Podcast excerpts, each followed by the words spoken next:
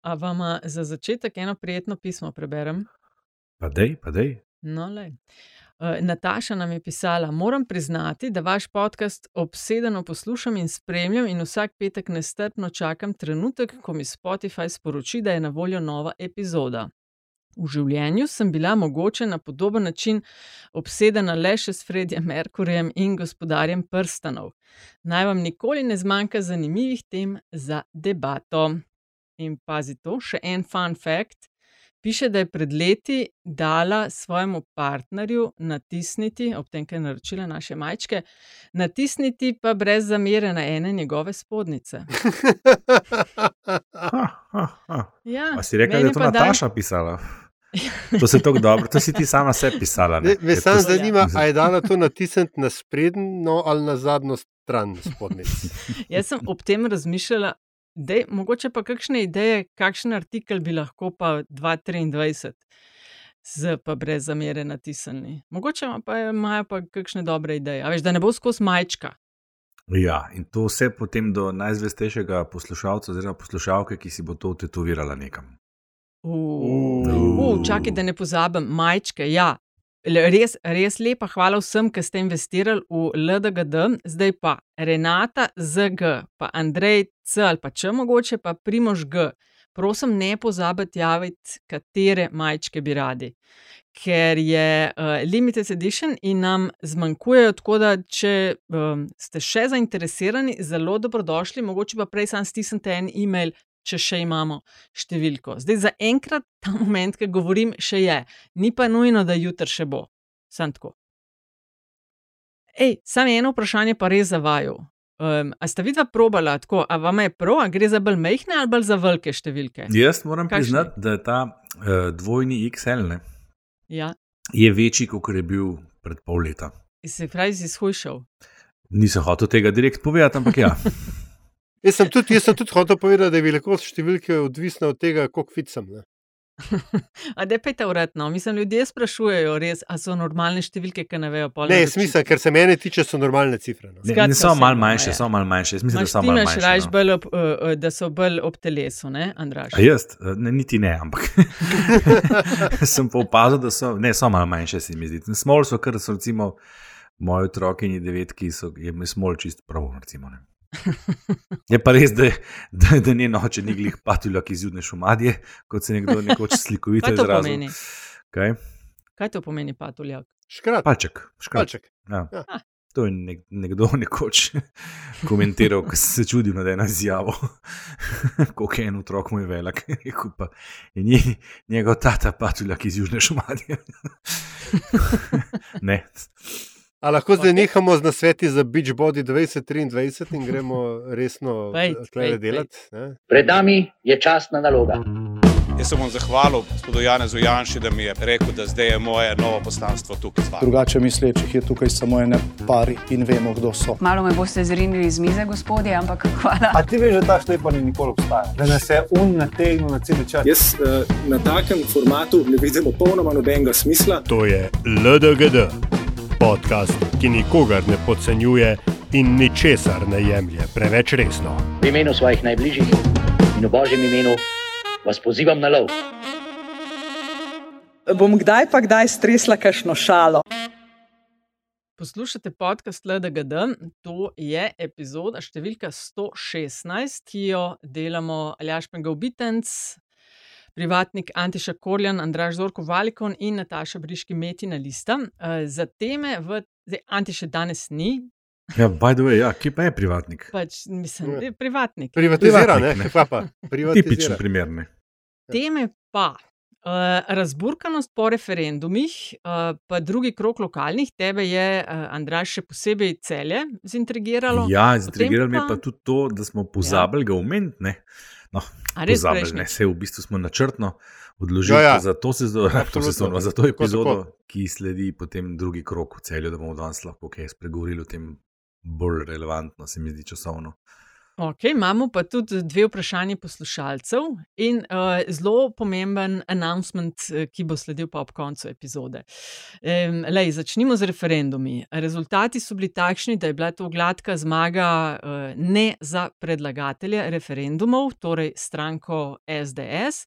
Se je pa pokazal, veliko je bilo povedanega na to temo, kar bi mene zelo zanimalo, je pokazal se je spet ločnica kot na vseh volitvah, na parlamentarnih, na predsedniških, uh, lokalnih in zdaj tudi na referendumih. Mestno, urbano. Um, mogoče kakšen komentar na to temo, ali želimo kar predsjeti na to, kar se dogaja na desni. Namreč, kdo je kriv, pa zakaj je kriv, pa kaj bi bilo treba narediti, pa kdo bo s kom še sodeloval v prihodnje. Kje je zdaj Antiša, ki ga rabaš, ne? Ki Ki ga najprej ponavadi pozoveš. No, Antiša, ne? No, No, No, kaj pa bi dajte zdaj Antiša, no. rekel, ne? Veš, kaj se meni zdi, da ta ločnica urbano-ruralna, ta, ta je tako skozi prisotna, ampak kje pa ne bo tako izrazita kot ravno na lokalnih volitvah, ker so pač lokalne, ne? ker se pa te meje res prekrivajo, mislim, prekrivajo, pokrivajo, ne prekrivajo, ujemajo. Ne, Tle res imamo rezultate prav samo po mestih in samo po mestnih občinah, da si ravno nekateri med njimi si morda tega niti ne zaslužijo, in med vsemi ostalimi ne, razdrobljenimi uh, ruralnimi občinami. Tako da to mene sploh ne preseneča. ne. mm, Smo spet imamo zemljevide. ne. Uh, Jrnej Tiran mm Mhm. -hmm. je naredil zelo fine m, zemljevide na to temo in to celo na ravni volišča, kar mislim, Andraž, da je bila celo tvoja mokra želja, ne? prejšnjič, ko si nekaj to omenil. Tako da, evo ti. Ne? Ko sem ga pozival na Twitterju, to Ja, misliš? tako, ja, ne. sem ga zasebno, v bistvu. No, no evo. Ne? Ja, lej, mislim, da ti podatki so že kar nekaj časa na voljo, ne, vem, od, od kdaj so tudi v taki obliki, da jih je tako enostavno prenesti. Se spomnim, da sem ene analize delal že 4 leta nazaj, ker imaš v bistvu za vse volitve um, za zadnjih 30 let.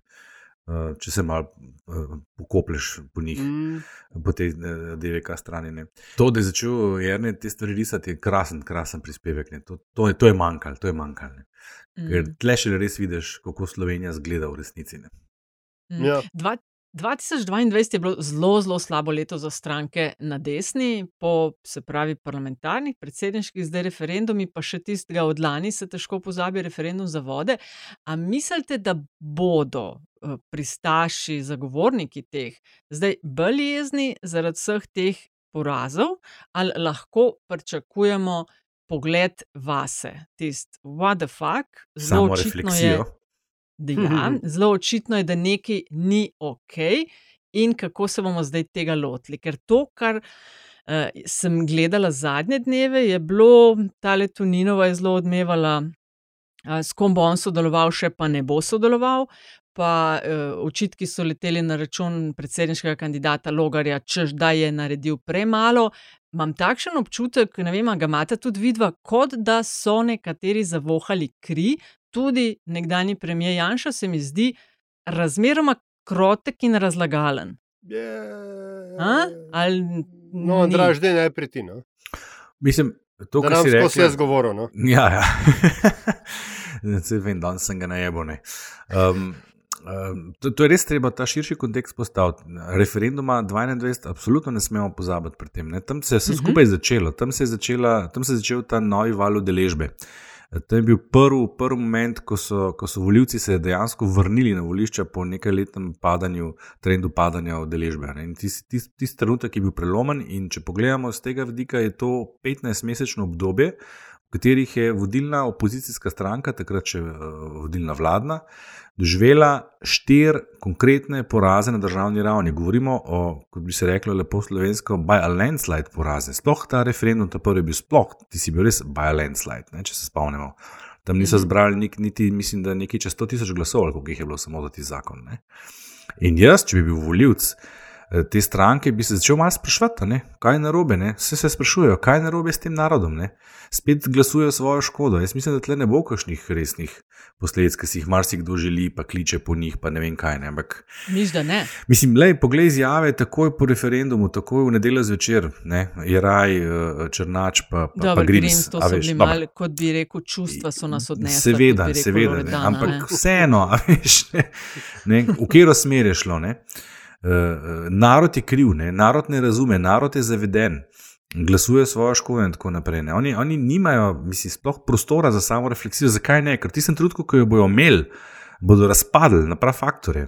Ker oni živijo te, v tej iluziji, ne? živijo v tej iluziji, kako ta narod ne ve, kaj je za njega prav. A oni so še vedno prepričani, da pač, pač narod žal še vedno ne ve, kaj je prav in kaj je res. Ne? In se trudijo na vse mogoče načine, tudi recimo na nemogoče načine na RTV-ju, ampak oni ne bodo nikoli rekli, a veš, um, mogoče pa mi res nekaj narobe delamo. Ne, ne, narod narobe dela. In dokler ne bodo oni pripričali naroda, da, da, da kaj je prav, ne, da bo razumel, kaj je prav, do takrat bodo ustrajali pri tem. Zato je po mojem čisto iluzorno pričakovati, da bo tle prišlo do kakršnih koli posledic.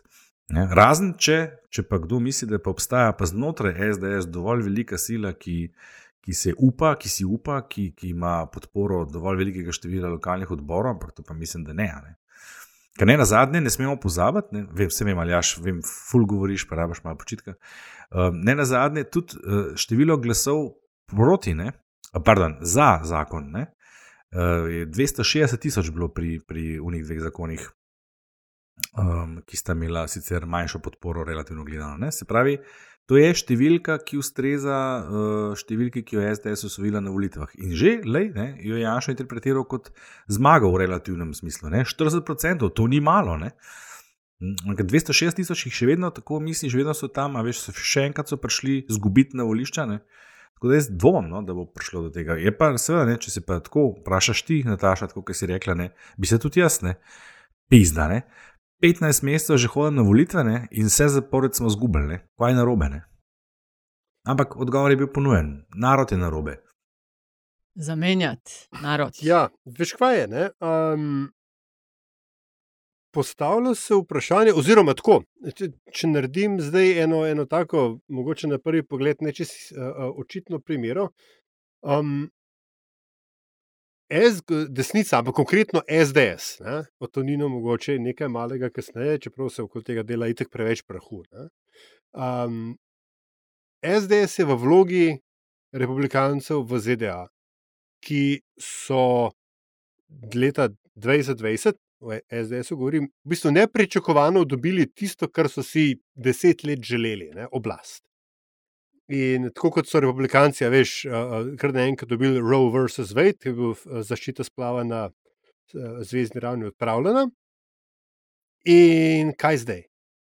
In v resnici je, ko je SDS po radikalizaciji 2014 prvič spet osvojila oblast, je bilo vprašanje, kaj smo mi zdaj s tem početi? The dog that caught the car. a, Pač, a, kaj pa zdaj? In posel je, seveda, ker niso imeli v bistvu ideje, kaj čjo narediti z oblastjo, so seveda šli v uh, uh, best of avtoritarnosti, to, kar smo jim uh, nekateri skozi učitelj, bo po malem ali malo manj po malem, in so oni skozi govorili, ne, ne, ne, to so neke komunarske uh, teorije zarote, ampak evo, ne, daš jim oblast in brez kontrole in tako je rado avtoritarci.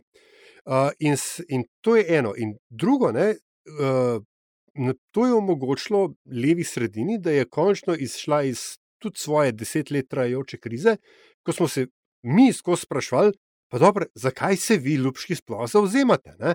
Ker vse, kar so eh, leva sredina zadnjih, ne vem, x let znala, je treba je braniti pravice. Ne? Hkrati so pa te pravice stalno erodirale, socialne, državljanske, kakršne koli gospodarske, karkoli. Vedno manj je bilo tega in vedno več se je govorilo, da je treba pravice braniti.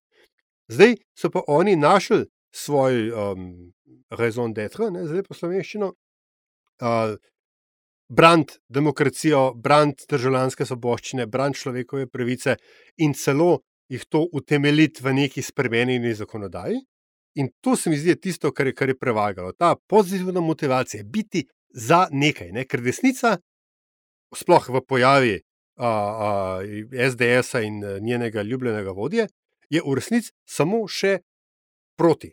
Je proti komunistom, pa je proti migrantom, pa je proti Sorošu, pa je proti, ne vem, krivosodju. Ne? No, to je mogoče vaše mnenje. Ne? A veste, eh, oni so tisti, tisti dve leti, ne, ko so bili na oblasti, so bili za gospodarski razvoj, za preporod Slovenije, za ne vem kaj vse. Oni so proti takrat, ko so v opoziciji. Ne, ne, je to, ne to je njihov problem. Oni so proti tudi takrat, ko so na oblasti. Ne? In, tukaj, in, in to, ne, ko to sem hotel priti do te zadnje točke, v resnici ne, je poraz naravno stanje, sploh SDS.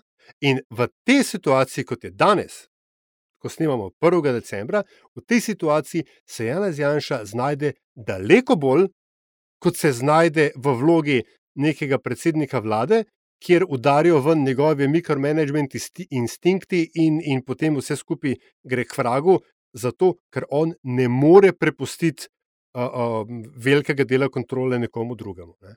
No, jaz pa čakam, da bo teh mimo teh par tednov, ko je predsedniški kandidat Logar po porazu proti Nataši Pirc-Musar rekel: Počakajmo par tednov in vse bo jasno. Uh -huh. um, tako da dva tedna ne, sta že mimo, uh, mogoče še kakšen. Vse uh, je že vse postaje jasno. Mislim, z... Res? Sveda. Zgodilo se, kot je rekel, zgodilo se ne bo popolnoma nič. No, no sej, se pravi, čakam to. Ne, tudi ta Tuninova izjava, ki se mi zdi, da so malo zavohali kri, ampak jaz njega nisem slišala nikjer reči, ko je rekel, ne bomo več sodelovali v vladi, ki jo bo vodil Janez Janša. Nisem ga pa nikjer slišala ne zato, ker dela na robe, ampak zato, ker z njim zgubljamo. Ne? Se pravi, oni so v zadnjem letu in pol zgubljajo desna kot po tekočem traku. O, bože, mili, zakaj, zakaj, ko pa vse delamo prav vodstvi strank ostajata enaki, politik ne spreminjajo. Gledala sem za nazaj tisto soočenje za referendume, žensk nimajo na vidiku, ki bi zagovarjali njihove politike. Tako svet gre naprej, oni ostajajo zadaj z slabim prepoznavanjem tega, kaj se dogaja okrog njih. Koalicija na drugi strani pa ne. So dejali izjave, kako upajo, da se bo končno Janez Janša umaknil, pa da ima že izpolnjene pogoje za penzijo, in tako dalje. Nasprotno, oni bi mogli reči, še na mnoga leta, ker jim prinaša zmage. Yes. Najverjetneje si to misliš. Ampak uh, še eno imam malo daljšo časovno, sorry, ali ja še treba Oj. perspektivo to postaviti. Veš, ne samo, da zgubljajo zdaj, da so zadnjih 15 mesecev izgubili štiri volitve na nacionalni ravni. Uh, še nikoli do sedaj ni desnica tako grdo zgubljala. Če gremo samo ene volitve nazaj, 2018, razmerje ni bilo niti približno tako drastično mm. v korist leve sredine. V bistvu je bilo zelo blizu izenačenja, kar je bil pa v bistvu neko stanje, če zuzamemo 2014, ki je bilo malo posebno, ker je bil pač lider zaprt in se, in se je zgodil ti sosip voljivcev.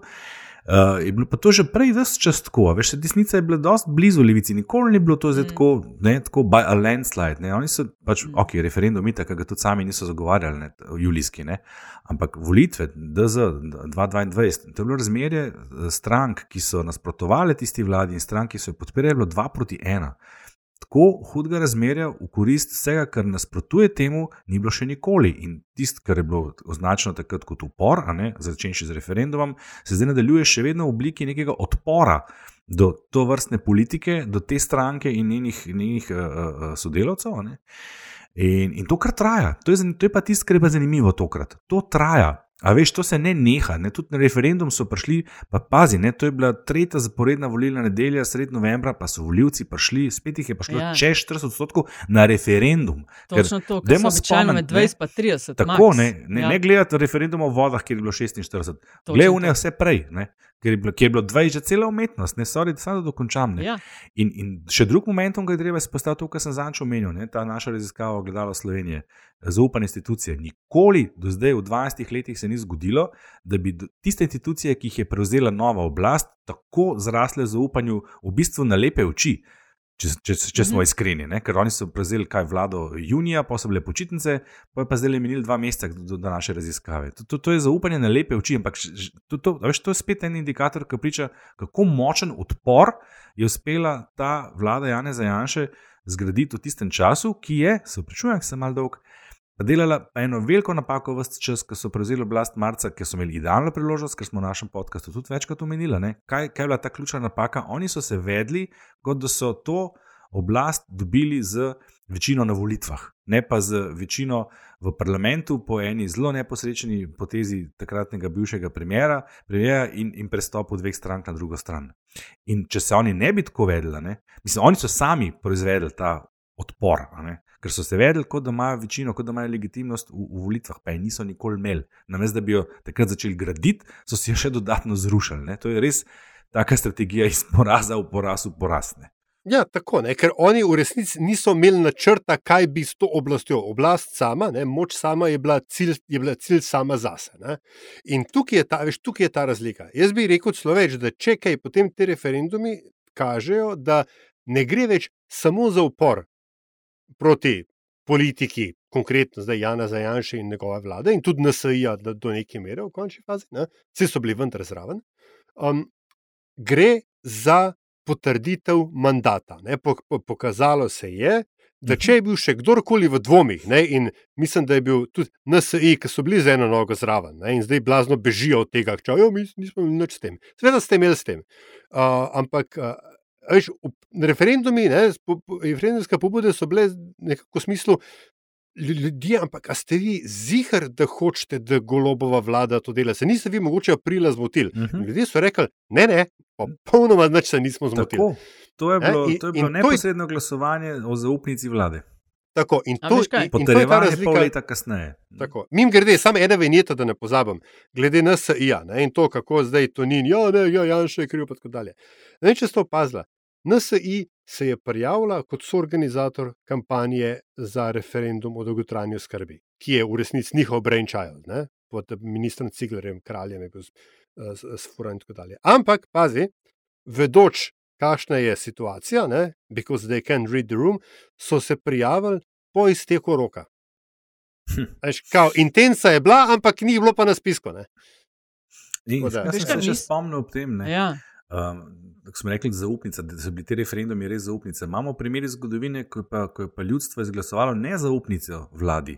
To so lepa pahoreve reforme, tudi tri referendume, če se ja, spomnimo. Ja, ja, ja. On je tam padel in je dejansko pa tudi stopil mal za tem. Ne, ni, ni bilo hmal za tem, trajali je še. Ampak ti si bil začetek konca. No, resnici, ja, ja, ampak ti se pa dolg čas razpadel, preživel telesu. Javno ne? izglasovana nezaupnica. Ne. Mhm, za nagrade pa pa predsednik.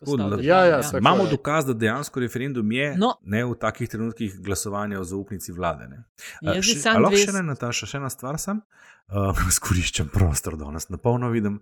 Um, mnogi so interpretirali to, predvsem na desni, ne, da to itak ni bilo glasovanje o vsebini, ampak da je šlo za polarizacijo in na glasovanje spet proti Janši, in da to ni prav. Ne.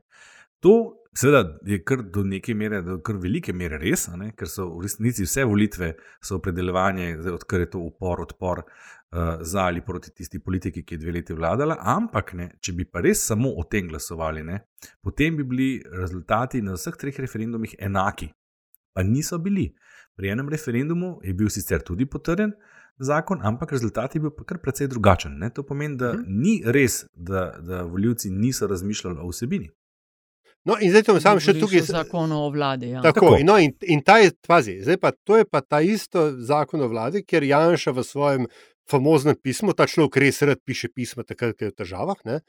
Včeraj, kdaj je, ga je objavil na, na, na Twitterju. In takrat, ko je v težavah, jih piše v svojem imenu, drugače pa Tomaš Majer.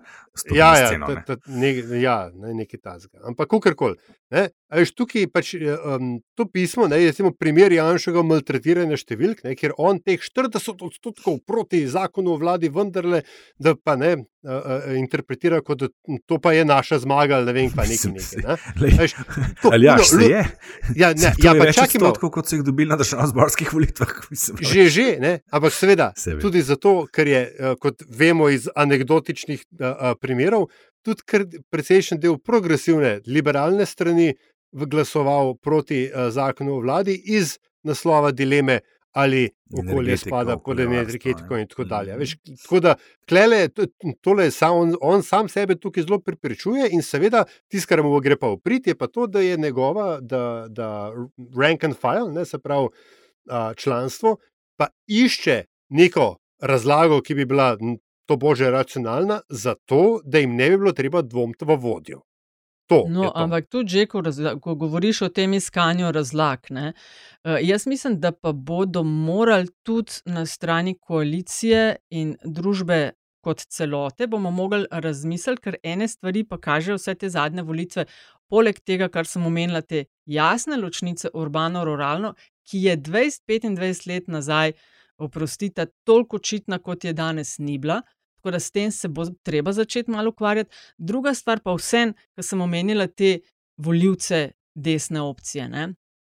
Tako kot pri cepivcih, si imel ti en majhen odstotek tistih grafenov, pa antene nam usajajo, ne? ampak je pa tudi velik, velik odstotek resnih ljudi, ki so resno zaskrbljeni in jih je strah, kot pišejo. Ne? Strah pred, ne vem, jemljajo nam svobodo, eh, ne dovolijo to, ki je seveda pogojen s tem, kar slišijo in jim tupijo v glavo na strankarskih medijih, ampak vse ne, niso vsi grafeni pa antene, pa en kup ljudi ima res pomisleke. V redu, ampak edini, edini možen odgovor na to je, da oblast se, pač aktualna oblast, sledi mandatu, ki ga je dobila zdaj potrjenega, ob ne, samozavedanju, da je nujno, da je pač uh, uh, uh, tak overreaching objective vsega, vsega skupaj, uh, vseobsegajoči cilj, da se oblast samo omejuje. Ne? Zato, da recimo, če smo zdaj pri zakonu o RTV, da bodo te določbe zakona, novega zakona o RTV, če seveda, mislim, ko bo enkrat seveda začel veljati, ker še ni, te se ne bo zgodili jutri, da bodo interpreti, interpretirane v duhu, ki bo. Pač No, to ne bodo, to ne sanjaj. Ne? Ja, to ve- ve, a- kratek rok ne bodo. Ve, ampak ne, hoč, hočem ti reči, da ravno tukaj je ključ do dolgoročnega uspeha in preseganja te delitve, ki, ki, ki jih ti ravno kar uh, uh, ki, ki Ja. jih omenjaš. ne. Mislim, golobova koalicija nima naslednje leta lahkega dela, ker to treba je najti nek most, ne do vsazga, ampak vsem živimo v isti državi. Mislim, Ja, tam- ampak, ampak- Nataša. Uh, Seveda, ampak vse, pa ampak, zdaj seveda, tudi sami leta. morajo, računam na samo refleksijo, No. mogoče naivna, ampak Ja. glej, Ja, Ker ta- oni imajo zdaj to- pol leta po volitvah še eno potrditev, zelo močno, zelo jasno. Ja. Imajo legitimnost za mogoče tudi malo bolj resne spremembe, kakšne reforme, naprimer NPR. no, to, ne. na to jaz računam. In še nekaj, ne, eh, kar je šlo tudi malo mimo, mi smo zadnjič, mislim, da omenili ali nismo. Eh, Državni svet tudi ni več večinsko Tako, desen, levo ampak so sučen, izgubili. a ne? mislim, In- desno sučen. Tako, desno sučen, ne, tudi nimajo več te uvire, ki bi metal vete, ping-pong žogice. No, levo, ja, desno. na, na, na to ne računaj. Ne vemo še, ne, ampak ni tako, sigurno ni tako, kot je bilo prej. a ne. Mislim, Tako da, ne, imajo, zdaj imajo res odprte roke. Ne.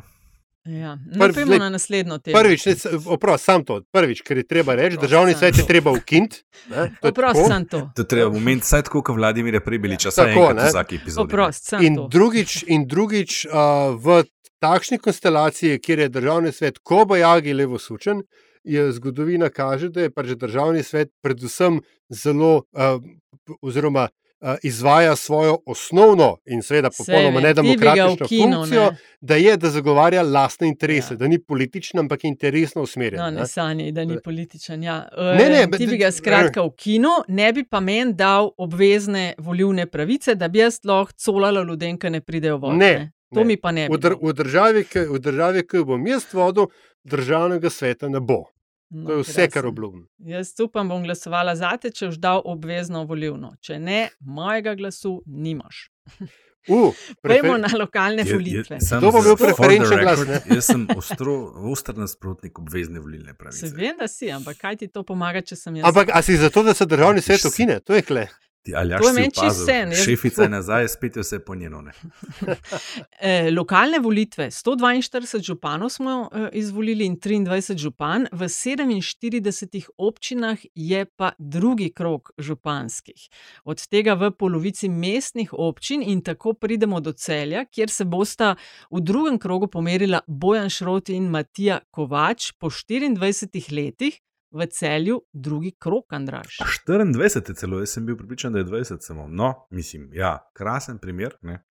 Kako se da zamenjati do smrtnega župana? No, vse ga še niso. No. Kako se ga da saj omajati? Ampak jaz mislim, da glede na to, da je prišel, uh, da, že to, da so ga v drugi krog spravili, ne? nekega samoumevnega zmagovalca v prvem krogu, vse roko na srce, manjkalo mu ni dosti. Ne? Ampak uh, tale gospod Matija, Matija Kovača, ne si rekla, Matija Kovača, uh -huh. ja, da ne sem Mhm. kaj zmotil pri imenih, ker sem bolj naroden. Uh, je DVK pa, Matija Kovač. tako je pa osvojil pa 33, ne? to ni zdaj tistih nekih, ne vem, 21 ali pa 22, neki, neki lih tok mal, da je prišel drugi krok. Ne? 33 je velik, ne. In zdaj, eh, če predpostavljamo, da so vsi ostali kandidati na teh volitvah nastopili zato, da nasprotujejo šrotu, ne, pa bi se po neki naravi stvari morali ti glasovi preliti eh, k Matiji Kovaču, si mislimo. ne. Meni meni to zelo spominja na primer Kopra pred štirimi leti. Tam je šlo tudi za uh, metanje večnega župana Strona. In če se spomnimo na konec sedem ali osem glasov v drugem krogu, uh, se mi zdi, da bi se tukaj znalo zgoditi podobno. Je pa ta primer vseeno malo drugačen. Kot vem, kot sem spremljal, dva, mislim, eno soočenje sem videl, pa nekaj sem šel brskat, uh, da gre pa tle za eno relativno mlajšo generacijo. Tudi sam Matija Kovač je predvsem mlad videti, ne? Uh, ki se je odločila, da je pa zdaj tega šrotovanja v celju očitno dovolj. Eh, In jaz pa tle recimo vidim spopad, to, kar si ti umenila, ne, da je Slovenija razdeljena zelo na urbano-ruralno. Ruralno, ruralno, ja. Eh, Mislim, da je pa tle le točno to v igri, ne? da gre pa tle za en, en spopad v celju med urbanim in ruralnim. Ne? Uh, ker cel je samo po sebi, če tako pogledaš, je kar zanimivo mesto. Cel ima eno tisto središče, eh, tako, ki je recimo, bi lahko bilo urbano, ne? v tem smislu uh, uh, um, urbanega načina življenja, pa, pa betona in tako naprej. Uh, pol okrog ne, je pa en kup zaselkov, ne, ki so sčasoma skonvergirali v to mesto, ki mu danes rečemo celjene. In tle ki je omenil- neka taka ločnica, ne, urbana. Ja, ker si omenil, mislim, da je to točno mlad to. ne. Ja, pa je star kandidat, ne? 89-letnik, A, no, 33 let. 33 let. Jezusova leta. Evo, tega na ne. In Evo. to, je, to, ne, to ni samo menjava generacij, po mojem, ne, ne gre samo za generacijski prepad le vmes, ampak tudi za to ločnico urbano-ruralno. Tle se bo celje odločalo, kaj so. A so oni mesto, a so, a so vas v obliki mesta. A, dodal bi sam še to, ne, da je tudi v celju Gibanje Svoboda na listi za mestni svet zasedlo drugo mesto. In to za 0, Jozef, za 150 glasov so zgrešili prvo mesto. No, kdo pa ima v mestnem svetu večino, zdaj v celju, tega pa nisem preveril. Ni večina, ne, tri eh, v. Veš, a koliko ima največ mandatov? Čakaj, Mislim, ne, največ. oprosti, tri volilne enote imajo, mo- moram. Vzamem nazaj, ampak posod so, posod so drugi. No, to je pa tisti ima- veliki, medtem ko iščeš, ja, tisti veliki Ja. uspeh gibanja svobode na lokalnih volitvah, ker mislim, da smo ga v prejšnji epizodi omenili. Ja. Mogoče šel malo mal prepotiho mimo, ne? to je pa tudi velika prelomnica. Ne? Nobena nova stranka, do sedaj ne SMC, ne LMŠ, po volitvah na, državnem, z- na, na državni ravni, ni uspela pobrati toliko glasov na lokalni ravni, seveda govorimo o svetih, ne pa o, o, o županskih kandidatih.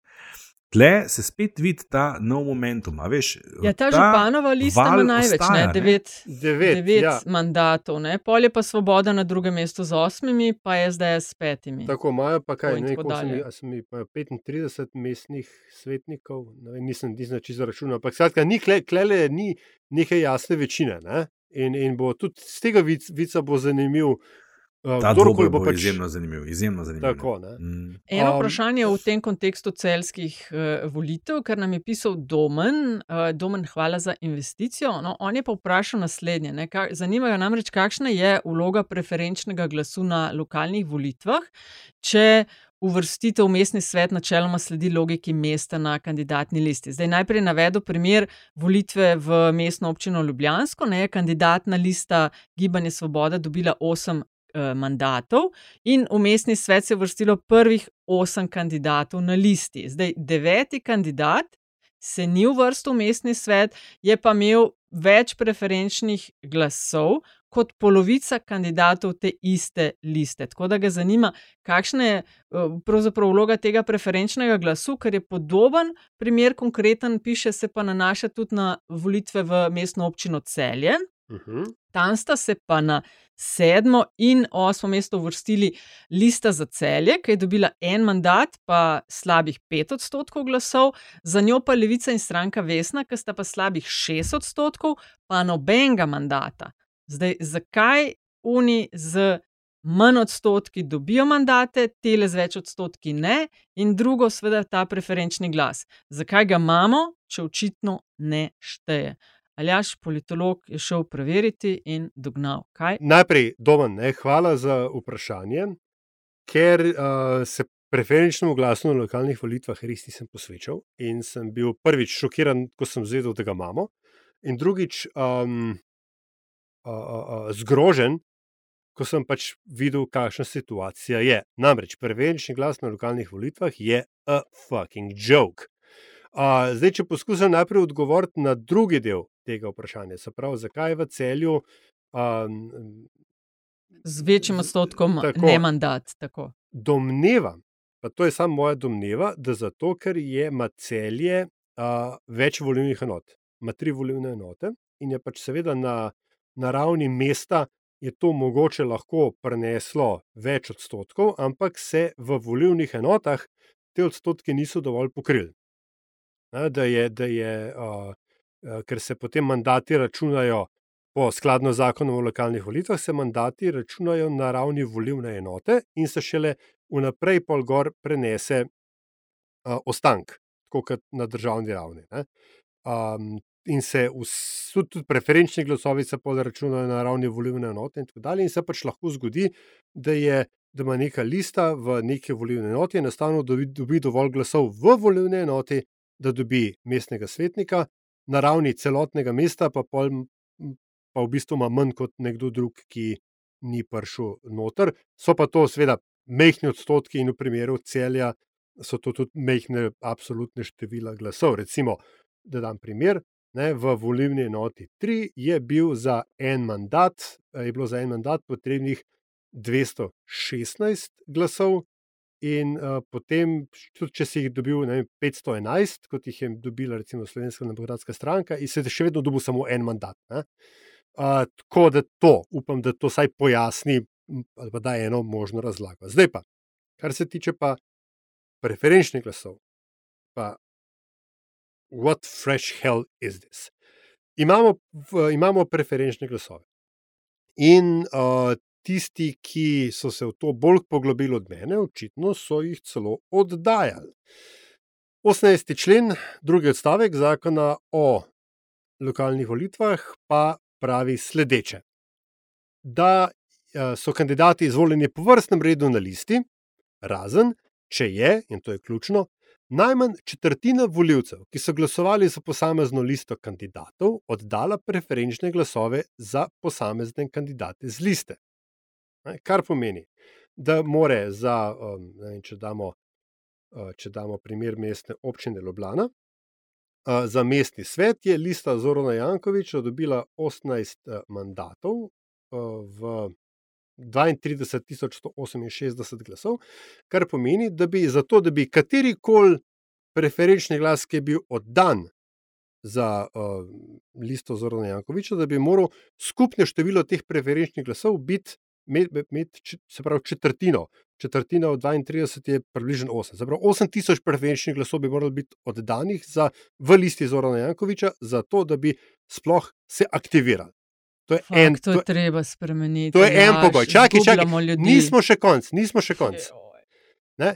A, v primeru, da so ti glasovi aktivirani, a, so z liste izvoljeni kandidati, ki so dobili največje število preferenčnih glasov po zaporedju največjega števila preferenčnih uh, glasov, vkolikor, pazi, število glasov posameznega kandidata presega 10 odstotkov števila vseh glasov danih za listo. Ergo, če si ti sploh dubo preferenčne glasove, zato, da si, so bili aktivirani, ker je bilo 8000 glasov od 32.000 oddanih za listo Zorana Jankoviča, zato da si ti kot kandidat s preferenčnimi glasovi dubo, da so se ti upoštevali, si moral dobiti cirka Joj, Aljaž. 3200 glasov. In zdaj, ne, na tej točki bi jaz samo snovalce volilne Daj, Piko, zakonodaje, zelo me ima, da bi jim na tem mestu javno omenil mamo v zelo neprimernem Ni kontekstu. treba, ne. Aljaš, ker bomo disciplinski postopek sprožili proti ljudem, ki so si to zmislili. Uno, what the fuck, tako res, uno.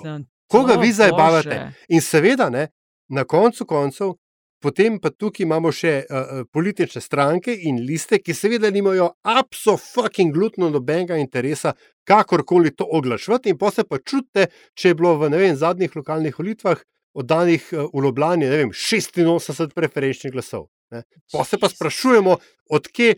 Uh, z, z, zakaj imamo demokratični deficit? Ja, zato pizda. Ah, Hvala, je konc. Ja, sorry. Ekspozija, ja. Jezusa, no, dajmo tale piko postaviti temu eh, volilnemu delu, pa imam vprašanje še enega našega poslušalca. Ne. Eh, zelo prijazen mail je napisal in tudi hvala res vsem, ki nam pošiljate zelo, zelo spodbudne in prijazne besede. Vse dobi cela ekipa. No, on je napisal naslednje. Ne ker smo že debatirali, a veš, o tem volilni udeležbi in tako dalje. Piše, kot slovenec s stalnim prebivališčem v tujini se sprašujem, če je sploh prav, da imam volilno pravico. To bi si morda, čak, čakaj, ne mi. To bi si morda bolj zaslužili tujci, ki imajo stalno prebivališče v Sloveniji in tam tudi plačujejo davke. No, tle bi jaz piko potegnil. Ne? Jaz bi dal pravico tistemu, ki plačuje davke. A bi potem eh, delil? Pa vsem, ki stanuješ, mislim, vse smo prebivalci planeta, vse vsem, ki si doma. Tam, kaj davke plačuješ, tam imaš tudi pravico pa glasovati, ker v bistvu glasuješ o tem, kaj se bo s temi davki počelo. A to je bilo Sem... vprašanje na, za lokalne ali za recimo državne? Ne, ne, na splošno. Pač, ja. Volitve ob tem je dodal vse volilna, vse vse. Ne, ni vse. Ne, uh, ni vse. Ne, ne moreš kot uh, v stalnem prebivališču v tujini v Luksemburgu, ne moreš v Ljubljani volt. Ne, ne, ne, ne, ne, it gets better. Ne. Namreč to pa slučajno vem, ker je pač moja gospa iz tega magistrirala. Ne, tako da mogoče bi predložili link na to magistrsko, ki je to res dobro razdaljen kot del odgovora. A, ampak, fora je v tem, na lokalnih volitvah seveda lahko glasujejo vsi prebivalci v Ljubljani. To je, to je mislim, v Ljubljani, v Sloveniji. Ne. Se pravi, če imaš ti stalno prebivališče v Republiki Sloveniji, ne glede na tvoje državljanstvo, si up, lahko glasuješ na lokalnih volitvah. In mislim, hmm. da je to evropska zakonodaja, kar lahko tudi jaz, in recimo v Luksemburgu imajo ravno zdaj, uh, imajo push uh, za to, da bi se jaz registriral kot nekdo, ki ima prebivališče tukaj, uh, hmm. da, se, uh, da bi lahko glasoval na lokalnih volitvah tukaj. Vendar, ne, jaz v Luksemburgu ne plačujem davkov, ker jih plačujem v Sloveniji, ker imam pa tak davčni domicil pa v Sloveniji. Ergo bi načeloma jaz bil, recimo, iz tega, te interpretacije, maksimalistične, recimo, upravičen glasovati na dveh lokalnih volitvah, ne? dvojih, se pravi, mm. in v Luksemburgu, mm -hmm. in v Ljubljani. Jaz... Če te prav razumem, bi v bistvu v Ljubljani lahko ali pa kjerkoli pač kraj v Sloveniji, če bi jaz imela stalno prebivališče kjerkoli, živela pa bi tako kot zdomec ali jaš nekje drugje. Ali pa ne, da bi bila Nemka, recimo. Ja. Bi imela pa stalno prebivališče v Ljubljani, ja. lahko glasujem v Ljubljani. Na lokalnih volitvah, da. Na lokalnih, ja, ja, ja. lokalnih. Državno-zborske so drugače, so ampak, je, ampak je seveda, to je dejansko, recimo, pomislek sodobnega sveta. Ne? Če ti, ne vem, živiš v Štokholmu in se, in se ti, recimo, neposredno te zadevajo vse odločitve švedskega Riksdaga, ne, zakaj morda ti, ne, če že dolgo časa tam živiš, pa imaš državljanstvo Slovenije, zakaj ne bi smel glasovati na švedskih parlamentarnih volitvah? Odgovor ni enoznačen, ampak je pa le vprašanje legitimno. Ok, skratka, pri lokalnih so različne prakse, ampak državno-zborskih pa meni se sicer ta ideja za tam, kjer plačujejo davke, ne zdi slaba. Ne? Se pa spomnim, da smo ob osamosvojitvi se na veliko podeljevalo državljanstvo uh -huh. tudi uh, našim, veš, ne vem, Cleveland, Toronto, Argentina, Gordol. Uh, bi pa jaz eno ločnico verjetno klep postavila tisti, ki ima dvojne državljanstvo, da se odločijo, na katerih volitvah, v kateri državi bi glasovali. In mislim, spet bi moral pogledati, ja. kaj so gospa napisali ne, v, v magistrsko, ampak mislim, da ima veliko držav točno to urejeno. Tako. Ja, mi nimamo. No, to, ja, ja, ja, ja. Ampak tudi... Mi tega nimamo in tle bi jaz postavljal no, to ločnico. Ja, ja, Če no, si recimo, državljan ja. te države, tis, v tisti državi lahko glasuješ na. Ker zdaj imamo pa to, kar sem pred prejšnjo oddajo omenila, ne, 200 pa še nekaj tisoč ljudi, ampak 4000-5000 ja. udeležbe. Glede davko bi mogoče sam še to dodal, veš, da je to, to, to ni tako lahko. Recimo, poznam primere ljudi, ki so se hoteli davčno preseliti ne? Ne vem, na Dunaj, Berlin, ja, karkoli. To, to je drama, to je res drama. Ja, ja, to je dramatično. Ker te davkorija te ne spusti iz rok, kot enkrat manj. Ja, e, hvala, ful, za vprašanja, res, ki nam jih pošiljate. Info, afna, metina, lista, pika si je, je naslov. Uh, to smo končali. Uh, Rabimo kaj še reči okrog uh, gospoda Pahorja oziroma njegove ekipe, ki očitno posluša LDGD. In, in na svete naše šefice. In na svete, no, tisti bi na svet, jaz bi, če, bi, če res poslušajo, ne bi, mislim, temu na svetu definitivno dodala, da mogoče pa imamo malo gužve na tem področju. Že nekaj. Mislim, da boš rekla, da bi dodala TRR temu na svetu. no, si to bilo smart. Ne? Mislim, Slovenija ima posebno ekipo na MZZ, ki to dela, ima posebnega odposlanca Francija Buta, ki se s tem ukvarja, ima državnega sekretarja eh, Žbogarja, ki je zadolžen za to, ima zunanjo ministrico, ki to dela. Ne? To, ima on veliko kontaktov, pa gor dol, imamo novo predsednico, ne, ki je v tej hierarhiji in tudi pride kam in prestiž, to, kar v diplomacijah šteje. Ne, Bo nova predsednica imela nekajkrat večji doseg, domet in dostop do ljudi, ki odločajo o tem. Ti, da mogoče to vse. Novo predsednico, ne?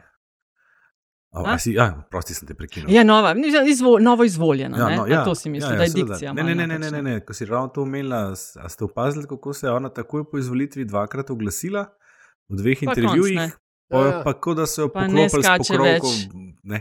Tuf, Iz vsake konzerve, čist prav, lej, čist prav, ker imamo še predsednika in to, po mojem, je Jaz čisto v redu. Predsedniku tukaj rekel samo to, ne, da očitno če bo slučajno v dilemi, ne, kaj nares lahko, očitno lahko koga pokliče, ne. Njega ne bo sram vprašati za nasvet. A, a, kar se pa njegovi tipi, ekipi tiče, bi pa jaz umenil, da smo mi začetek januarja še malo frej, tako da če hočejo kakšen intervju predsedniku zrihta, da jih kar pokliče. No. Zdaj pa bo malo vsem spoštljiv. No. Ne, ne, resno sem mislil, kaj, a ne bi bilo fajn imeti ene specialke z bivšim. Da te bojo oni klicali, da všti delo intervju z njimi. Ja, no, čak. Mislim, do, do, do, ja, sej, v redu je, lej, ja. Skratka, no, mogoče vse en tole z varnostnim svetom, ki vidim, da išče, ne? gospod je pa prmočeh, mogoče res težko, kar si ti ali jaš predlagal, ali pa tudi Hrvaška. Če kje pa tam ima znanstva in poznanstva, ja, če bi se še naprej rad igral. Gospod je prmočeh in pa sem jaz tukaj nespoštljiv, kaj mislim. Ja.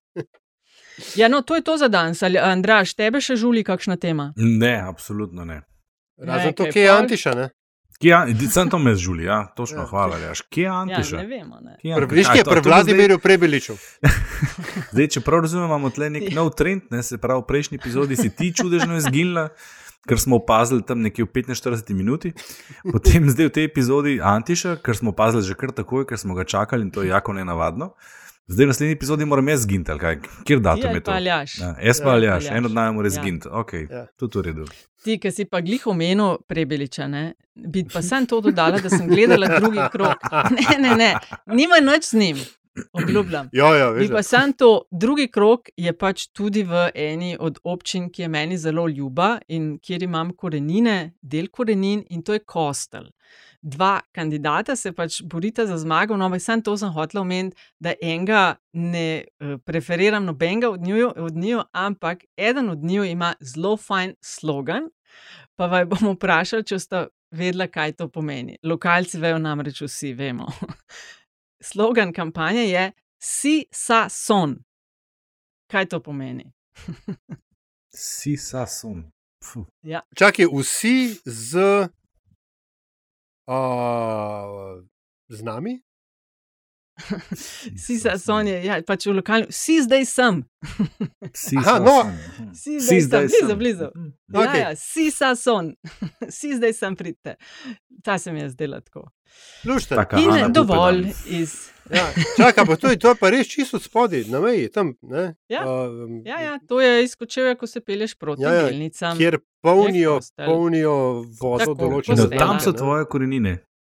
Tam, ja, ki se vsi skočijo, bodi si ali je nekdo iz Kostela in, ali pa iz Gebarije, se pravi, osilenca. Jaz, sem, jaz pokrivam vse. Ja, koč, kočev je torej tako. Kočevsko je tudi kostel in nosilec. Lokalni gravitacijski center. Ja, ja, tako, tako. Um, ja, polit bizarka nas to pripelje. Čestitam, gospod Aljaš, serijski hvala. zmagovalec v novi sezoni. Tvoja bizarka, slovenski EU poslanci in Rusija je poharala s 50 odstotki. Ja, tukaj treba biti natančen, ne, ker so bila vprašanja, seveda sem mislil štiri levo-liberalne poslance. Ne. In Aha. še danes mi ni seveda točno jasno, kaj kurac so si predstavljali, A, kaj je to bilo.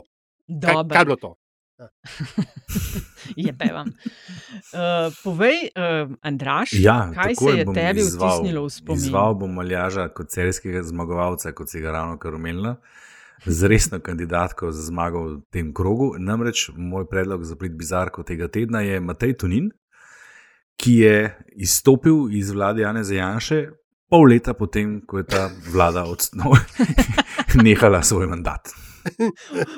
Odličen. Zdaj, Odličen zdaj sem si tale šamar sem si obrisal z obraza ne? in ti bom vrnil z Jonasom Žnidršičem in njegovim izvrstnim performancem na uh, nekem uh, zasedanju parlamentarnega odbora za to ali ono, uh, kjer je Jonas prišel, um, vsaj videti je zmačkan. Ne? Uh, špegli, ki nič je svedel, a naj bi dal že na glavo ali še nazaj na nos. Uh, počasi je kuhal, sem me, mešal tisto kavo in bil pač zelo očitno dal vtis nekoga, ki bi bil rad kjerkoli drugje, razen tam. Ampak seveda poznavajoč Jonasa ne? in dejstvo, da je, kot se kaže, takrat govorila neka opozicijska uh, poslanka. Se ne morem znaviti občutka, da gre za en tak Andy Kaufmanovski nastop, kjer od, vse po vrst jebe v glavo, vključno še najbolj pa tiste, ki so zgroženi nad njegovim obnašanjem. Um, pri posnetku bomo predložili. Um, jaz, če sem to pravilno interpretiral, ne, in mislim, da sem, bi treba pač Jonasu vedno znova čestitati, ker uh, parlament kot performance je nekaj, česar ne vidiš vsak dan, ampak tole je bilo dosti na nevoju in bravo. In to je tudi Dobro, da ga imamo. Ja. Dobro, da ga Na imamo. to smo čakali, a ne? Ja, tako je. Zato ga imamo. Um, jaz pa le v luči pogajanj med eh, zdravniškim kandidatom, kandidatom, sindikatom Fides in vlado, zdaj to ne govorimo o dobrih, slabih namenih kogarkoli, za politbizarko nominiram ta izpad in razlago zdravstvenega ministra, to tako imenovano čvrsto moško debato, s katero je uh, podpredsednik vlade Bešič Loredan opisal ta telefonski pogovor z vodjo pogajalske skupine Gregorjem Zemljičem in mimo grede je Benti frizura, eh, sta imela intenzivne štiri minute, ki jih je minister čisto očitno izkoristil kot en največji hodred daleč naokol, kaj da more nasprotna stran narediti, sicer da bojo že videli vraga. Uh, rekel očitno marsikaj, pa na način, ki, ki ni pravi, se je zato opravičil, da so ga zanesla čustva. Ne? Ampak veste, to je bila čvrsta moška debata. Skratka, v prevodu, drl sem se, buli sem bil, z argumentom oči sem opletel. Tale je moja politbizarka. Ko se moški začutijo. Močne, močne, še dobro, da imamo samo Ja, tri. a ne? Ja, pol pa zadnjih 30, um, bi želel kdo začeti, bi želel kdo končati. Mene se. Mm, Pa, pa, lej, bom pa jaz, evo, No, no, pa enkrat. Ker smo v takem mestu, da je to fajn vedeti. Ne, uh, Prpepet bi priporočila, ker je pač fino vedeti, kje so dobre oštarije. Če vas zanese na Škofjeloško, vam jih toplo priporočam. Na Pepetovem klancu jih najdete.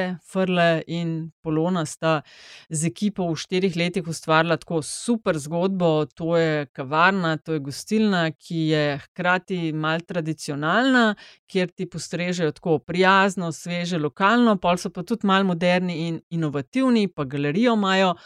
In prostor, kjer se občasno uh, koncertira, prodajajo knjige, eno tako fajn zbirališče lokalnega prebivalstva in turistov, tako iskreno, pošteno, zabavno, nekaj, česar se mi zdi, da, da ni velik, pa je fajn cent in priporočiti, kadar je.